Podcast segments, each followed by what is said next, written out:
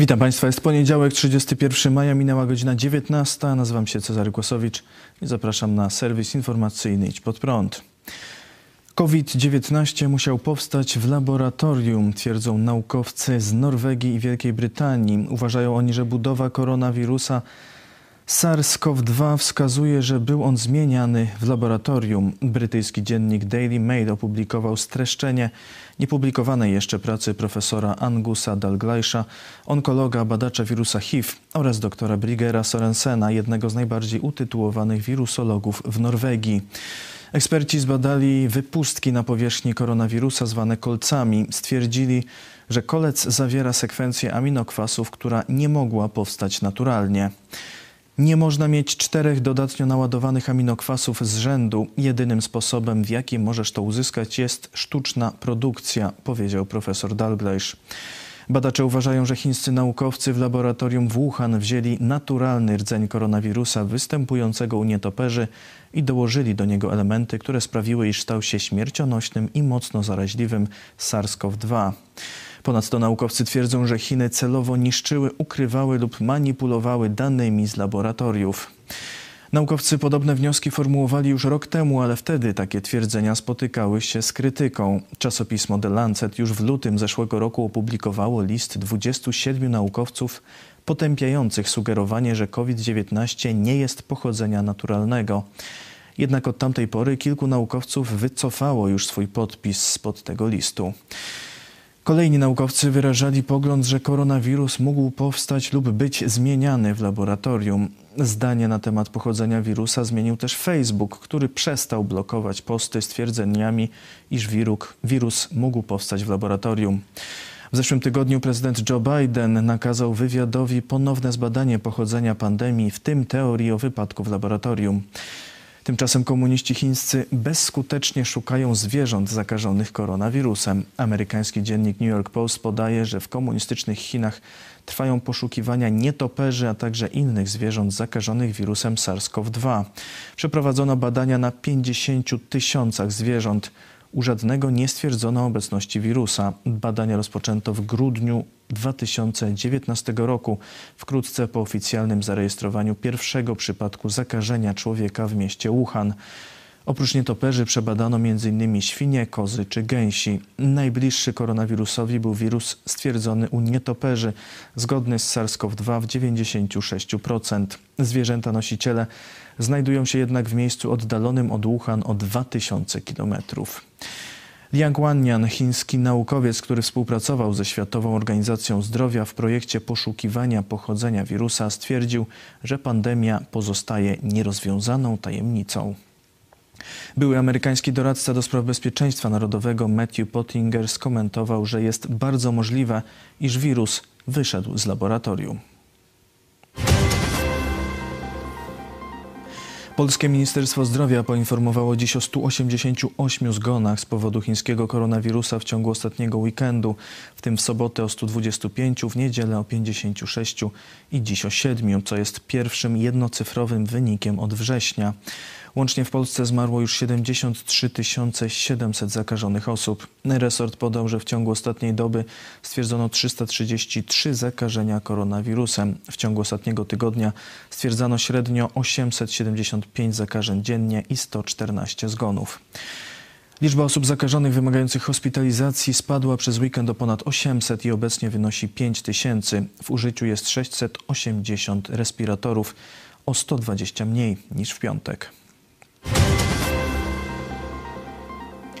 Kaczyński spotykał się z sowieckim agentem. Newsweek w najnowszym wydaniu opisuje spotkania Jarosława Kaczyńskiego z sowieckim agentem na początku lat 90.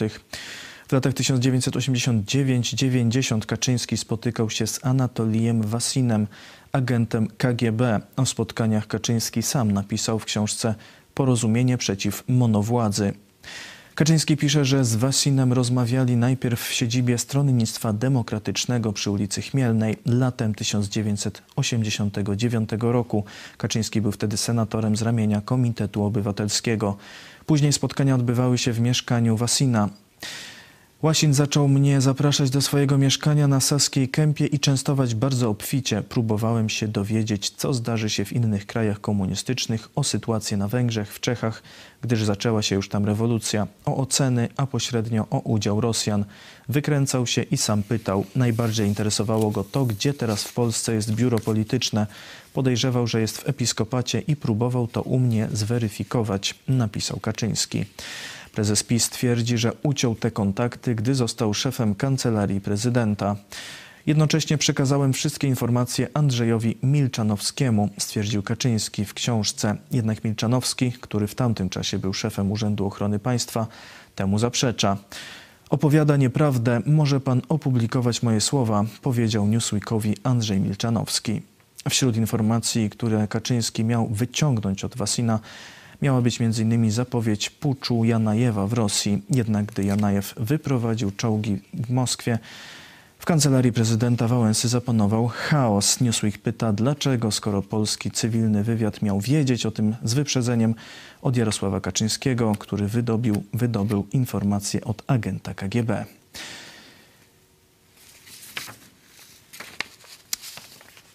Sprawę skomentował pastor Paweł Chojecki w Idź pod prąd na żywo ja bym w te bajki, jak to Kaczyński przesłuchiwał e, agenta KGB, to bym nie wierzył. To są takie bzdury dla grzecznych e, dzieci. Mamy oto Jarosława Kaczyńskiego, który spotyka się z przedstawicielem Moskwy. Są wielokrotne rozmowy. Nie tak, że on raz przyszedł, przekonał się i uciekł, już nigdy więcej z tym dziadem nie chciał gadać, tylko on tam przychodził, e, że tak powiem, dość często. Prawdopodobnie te spotkania nie były, można powiedzieć, jednostronne. Czyli tutaj oczywiście coś tam dawano e, Kaczyńskiemu, ale jednocześnie gromadzono na niego haki. To jest dla mnie oczywiste. Jeśli on przychodził po sznurku i pił wódę z komunistycznymi agentami, to oni musieli mieć na niego haki. No to są dwa rodzaje haków zwykle.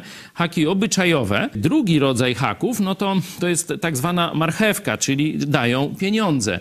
I tu Jarosław Kaczyński sam e, przyznał, że podwaliny finansowe jego tego PC, czyli porozumienia centrum, później PiSu, no to dali im komuniści. To jest tak zwana hodowla człowieka, który za powiedzmy 20 lat, może 30 odbejmie jakąś ważną tak funkcję mówi, w państwie. Ale myślę, że o wiele ciekawszy czy ważniejszy jest drugi wątek, bo agent Moskwy pyta Kaczyńskiego, przynajmniej tak Kaczyński y, to relacjonuje, czy zgodzilibyście się na model fiński? Czyli, że Polska będzie miała tak zwaną wewnętrzną suwerenność, ale car będzie waszym królem. Nie? No to tak, tak mniej więcej. Półsowiecka republika. I nazwali to modelem fińskim. Ja dzisiaj bym to nazwał modelem fińsko-białoruskim, bo Finlandia jednak poszła w kierunku silniejszych związków z Zachodem. To, co robi Kaczyński, to zaczyna przypominać Białoruś, a nie, a nie Finlandię. Polityk SLD był wykorzystany przez chińskiego szpiega. Oskarżony o szpiegostwo w Polsce Wei Jingwu miał wykorzystać znajomość z Grzegorzem Napieralskim do realizowania swojej działalności wywiadowczej. Jak podaje Gazeta Polska Codziennie, Wei Jingwu, działający w Polsce oficjalnie jako menedżer chińskiej firmy Huawei, nawiązywał relacje z politykami wszystkich partii politycznych. Dzięki nim aranżował spotkania przedstawicieli Huawei z polskimi parlamentarzystami, w tym z Grzegorzem Napieralskim. Agencja Bezpieczeństwa Wewnętrznego ustaliła, że w korespondencji między Wejdingiem W a innymi pracownikami Huawei Napieralski nazywany był starym przyjacielem Huawei. Polityk miał uczestniczyć w opłacanych przez Huawei wyjazdach i korzystać z otrzymanego od koncernu sprzętu. Miał też organizować spotkania z Jarosławem Gowinem. Podczas przesłuchań Napieralski twierdził, że nie pamięta aranżowania spotkań. Według aktu oskarżenia skierowanego przeciw Wejdingowi W, jego celem było przejęcie przez Huawei zarządzania państwową i samorządową infrastrukturą informatyczną w Polsce. Wejding W do działań w tym celu zwerbował także Piotra D., emerytowanego kapitana Agencji Bezpieczeństwa Wewnętrznego. Jutro ma ruszyć proces w ich sprawie. Korespondentka telewizji pod prąd na Tajwanie, redaktor Hanna Shen, skomentowała sprawę w mediach społecznościowych. To, co już wiemy, że ze sprawy Wejdinga W dyskwalifikuje Napieralskiego z życia politycznego. Koalicja Obywatelska powinna żądać, by zrezygnował z mandatu. Dzisiaj politykę wobec Huawei, wobec Chin, a jest ona fatalna, kształtują politycy Zjednoczonej Prawicy i to o ich relacjach z Wejdingiem W powinniśmy także wiedzieć. Hanna Szen w innym wpisie dodaje, tylko jedno pytanie, kiedy jasna decyzja o wykluczeniu Huawei z 5G?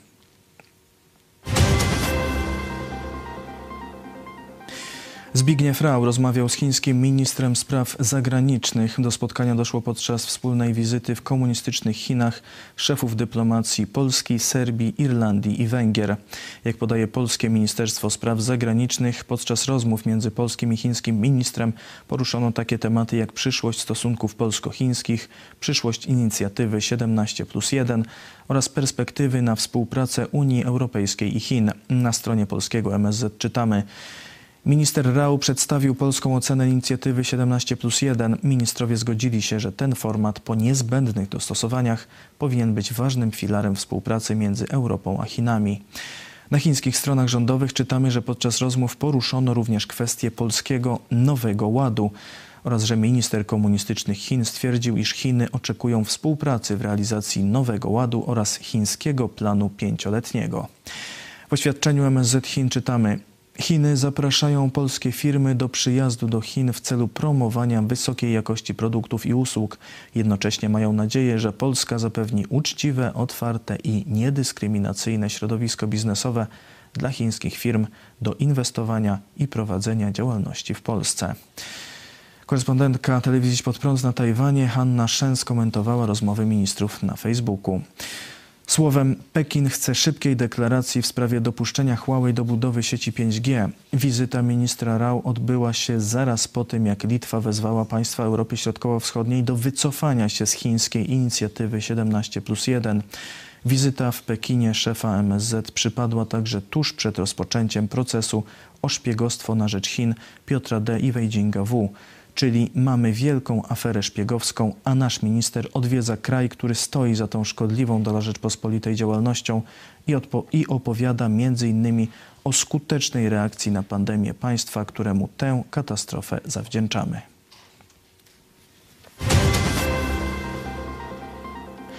Czy Joachim Brudziński przeprosi w tureckim sweterku?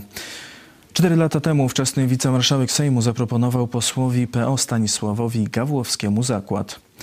Przyjmij kozaku zakład. Jeżeli prom spłynie w Szczecinie, ty z Olgiertem Goblewiczem ubrani w turecki sweter ala Kononowicz przeprosicie stoczniowców. Chodziło o budowę nowego promu dla polskiej żeglugi bałtyckiej. W czerwcu 2017 roku Joachim Brudziński brał udział w uroczystości położenia stępki pod budowę promu. Prom miał być pierwszym z programu Batory. Zgodnie z planem 200-metrowy statek miał być zwodowany w grudniu 2020 roku.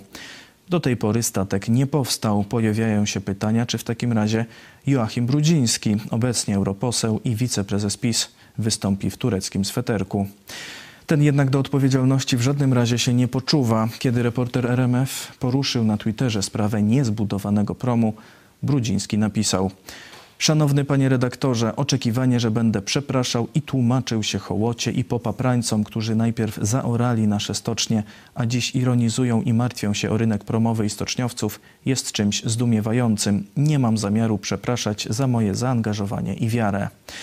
Dodał jeszcze, niech wstydzą się ci, którzy na potrzeby rynku niemieckiego i holenderskiego rozwalili nasze stocznie. Proszę posłuchać, co powiedziałem wtedy do stoczniowców, że wszystko jest w ich rękach. My, politycy, zrobiliśmy, co do nas należało.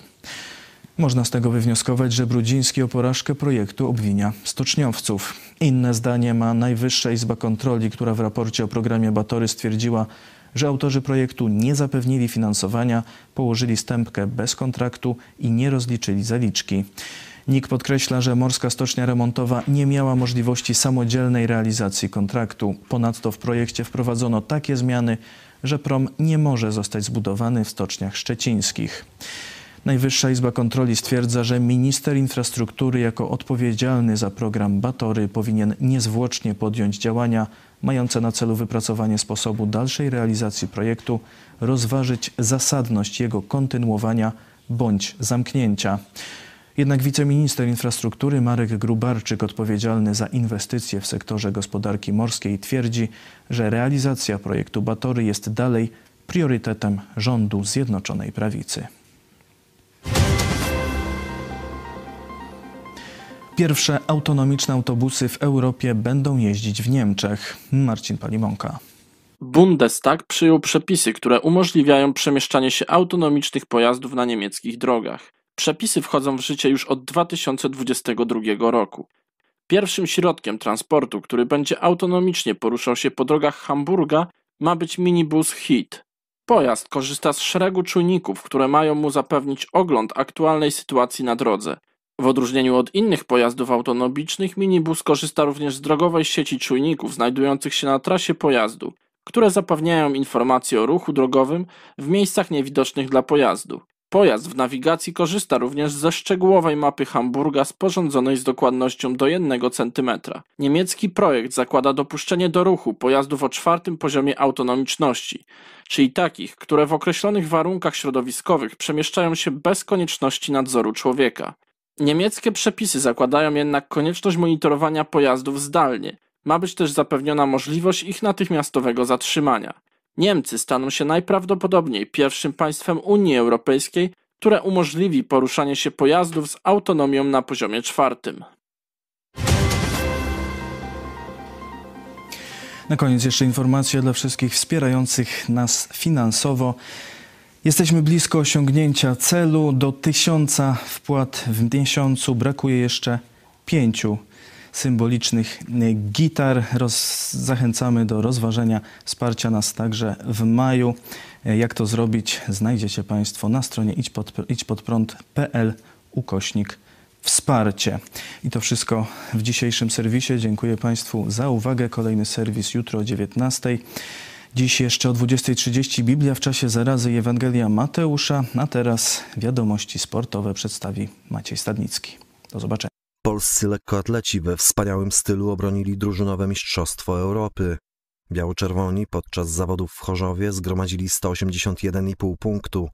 Drugie miejsce zajęli Włosi, a trzecie Brytyjczycy. Polscy lekkoatleci wygrali 10 konkurencji. Jedną z bohaterek naszej reprezentacji była Pia Skrzyszowska, która okazała się najlepsza zarówno w biegu na 100 metrów, jak i na dystansie 110 metrów przez płotki. Formą zaimponował Paweł Fajdek, który rzucił młotem na odległość 82 metrów i 98 centymetrów. To najlepszy wynik w tym sezonie na świecie. W rozmowie z TVP Sport powiedział: To nie było jeszcze 100%. Zaczynamy wykorzystywać, co udało się wypracować zimą. Ponadto zwycięstwa odnieśli Kamila Lićwinko i Norbert Kobielski w konkursach skoków z wyż, Natalia Kaczmarek w biegu na 400 metrów, Michał Haratyk w konkursie pchnięcia kulą oraz Paweł Sobera w skoku o tyczce. Ze zmiennym szczęściem rozgrywki Ligi Narodów rozpoczęli polscy siatkarze. Pierwszej kolejce spotkań podopieczni Vitala Heinena bardzo pewnie pokonali gospodarzy turnieju Włochów 3 do 0. W drugiej rundzie spotkań aktualni mistrzowie świata pokonali reprezentację Serbii 3 do 1. W drużynie biało-czerwonych wyróżnił się Wilfredo Leon, który zaserwował 13 asów, ustanawiając rekord świata w liczbie asów serwisowych w jednym spotkaniu. Niestety na zakończenie turnieju Polacy po bardzo słabej grze ulegli Słowenii 1 do 3. Kolejny mecz w Lidze Narodów Polacy rozegrają w czwartek z Australią. Iga Świątek w drugiej rundzie turnieju wielkoszlemowego French Open. Polka pokonała w pierwszej rundzie Słowenkę Kaję Juwan 6-0-7-5. W drugiej rundzie spotka się z lepszą z pojedynku między Szwedką Rebeką Peterson a Amerykanką Shelby Rogers. Na pierwszej rundzie zakończył swój udział w turnieju French Open Hubert Hurkacz. Polak w pięciu setach uległ sklasyfikowanemu w drugiej setce rankingu ATP Holendrowi Van de Zandt Schulpowi. W sobotę poznaliśmy zwycięzcę piłkarskiej Ligi Mistrzów. W finałowym spotkaniu rozegranym w Porto zmierzyły się dwa angielskie kluby Manchester City i Chelsea Londyn. Lepsi okazali się gracze z Londynu, którzy pokonali aktualnego mistrza Anglii 1 do 0. Jedyną bramkę w tym spotkaniu strzelił w pierwszej połowie Kai Havertz. Jest to druga wygrana Chelsea Londyn w Lidze Mistrzów. Poprzednio drużyna z Wysp triumfowała w sezonie 2011-2012 roku. Dla trenera Chelsea Tomasa Tuchela to drugi finał Ligi Mistrzów z rzędu, Rok temu prowadząc Paris Saint-Germain uległ Bayernowi Monachium 0 do 1. Pani Lidia Maksymowicz ocalała z niemieckiego obozu koncentracyjnego Auschwitz-Birkenau została w sobotę uhonorowana różową koszulką lidera wyścigu Giro d'Italia. Uroczystość odbyła się przed startem 20 etapu imprezy. Wyróżnienie dla pani Maksymowicz zostało przyznane jako wyraz wdzięczności za jej przesłanie pokoju i misję edukacyjną opowiadania młodym pokoleniom o doświadczeniach wojny. Prowadzący ceremonię podkreślił, że nie ma nikogo, kto bardziej zasługiwałby na różową koszulkę niż pani.